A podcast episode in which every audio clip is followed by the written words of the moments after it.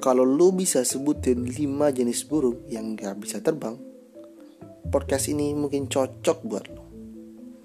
Karena di sini kita nggak cuma ngomongin penguin, tapi juga para burung dan manusia-manusia yang nggak bisa terbang.